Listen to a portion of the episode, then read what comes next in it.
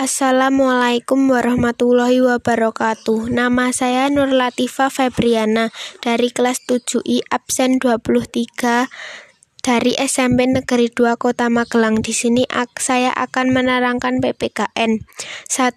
Mengapa sejarah ditetapkan tanggal 1 Oktober sebagai Hari Kesaktian Pancasila? Karena Hari Kesaktian Pancasila adalah Hari Nasional Indonesia yang diperingati setiap 1 Oktober sesuai dengan keputusan Presiden nomor 153 tahun 1967 karena terjadi gerakan peristiwa 30 September yang dikenal dengan G30 SPKI. G30 SPKI adalah peristiwa enam jenderal dibantai sekelompok orang yang disebut Partai Komunis Indonesia. 2. Bagaimana tekad kalian untuk mempertahankan Pancasila sebagai dasar negara kita? 1 menerima Pancasila sebagai dasar negara.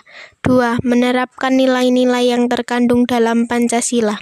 3. Mem mempelajari Pancasila sebagai dasar negara. 4. Menghayati nilai-nilai Pancasila. Nomor 3. Contoh tindakan nyata yang dilakukan sehari-hari untuk mempertahankan Pancasila sebagai dasar negara adalah 1. Mencintai dan membeli produk dalam negeri 2. Mengikuti lomba-lomba Agustusan 3. Memiliki sikap toleransi antar umat beragama 4 beribadah dan berdoa sesuai agama masing-masing. 5. Saling membantu jika ada yang membutuhkan. Sekian dari saya. Wassalamualaikum warahmatullahi wabarakatuh.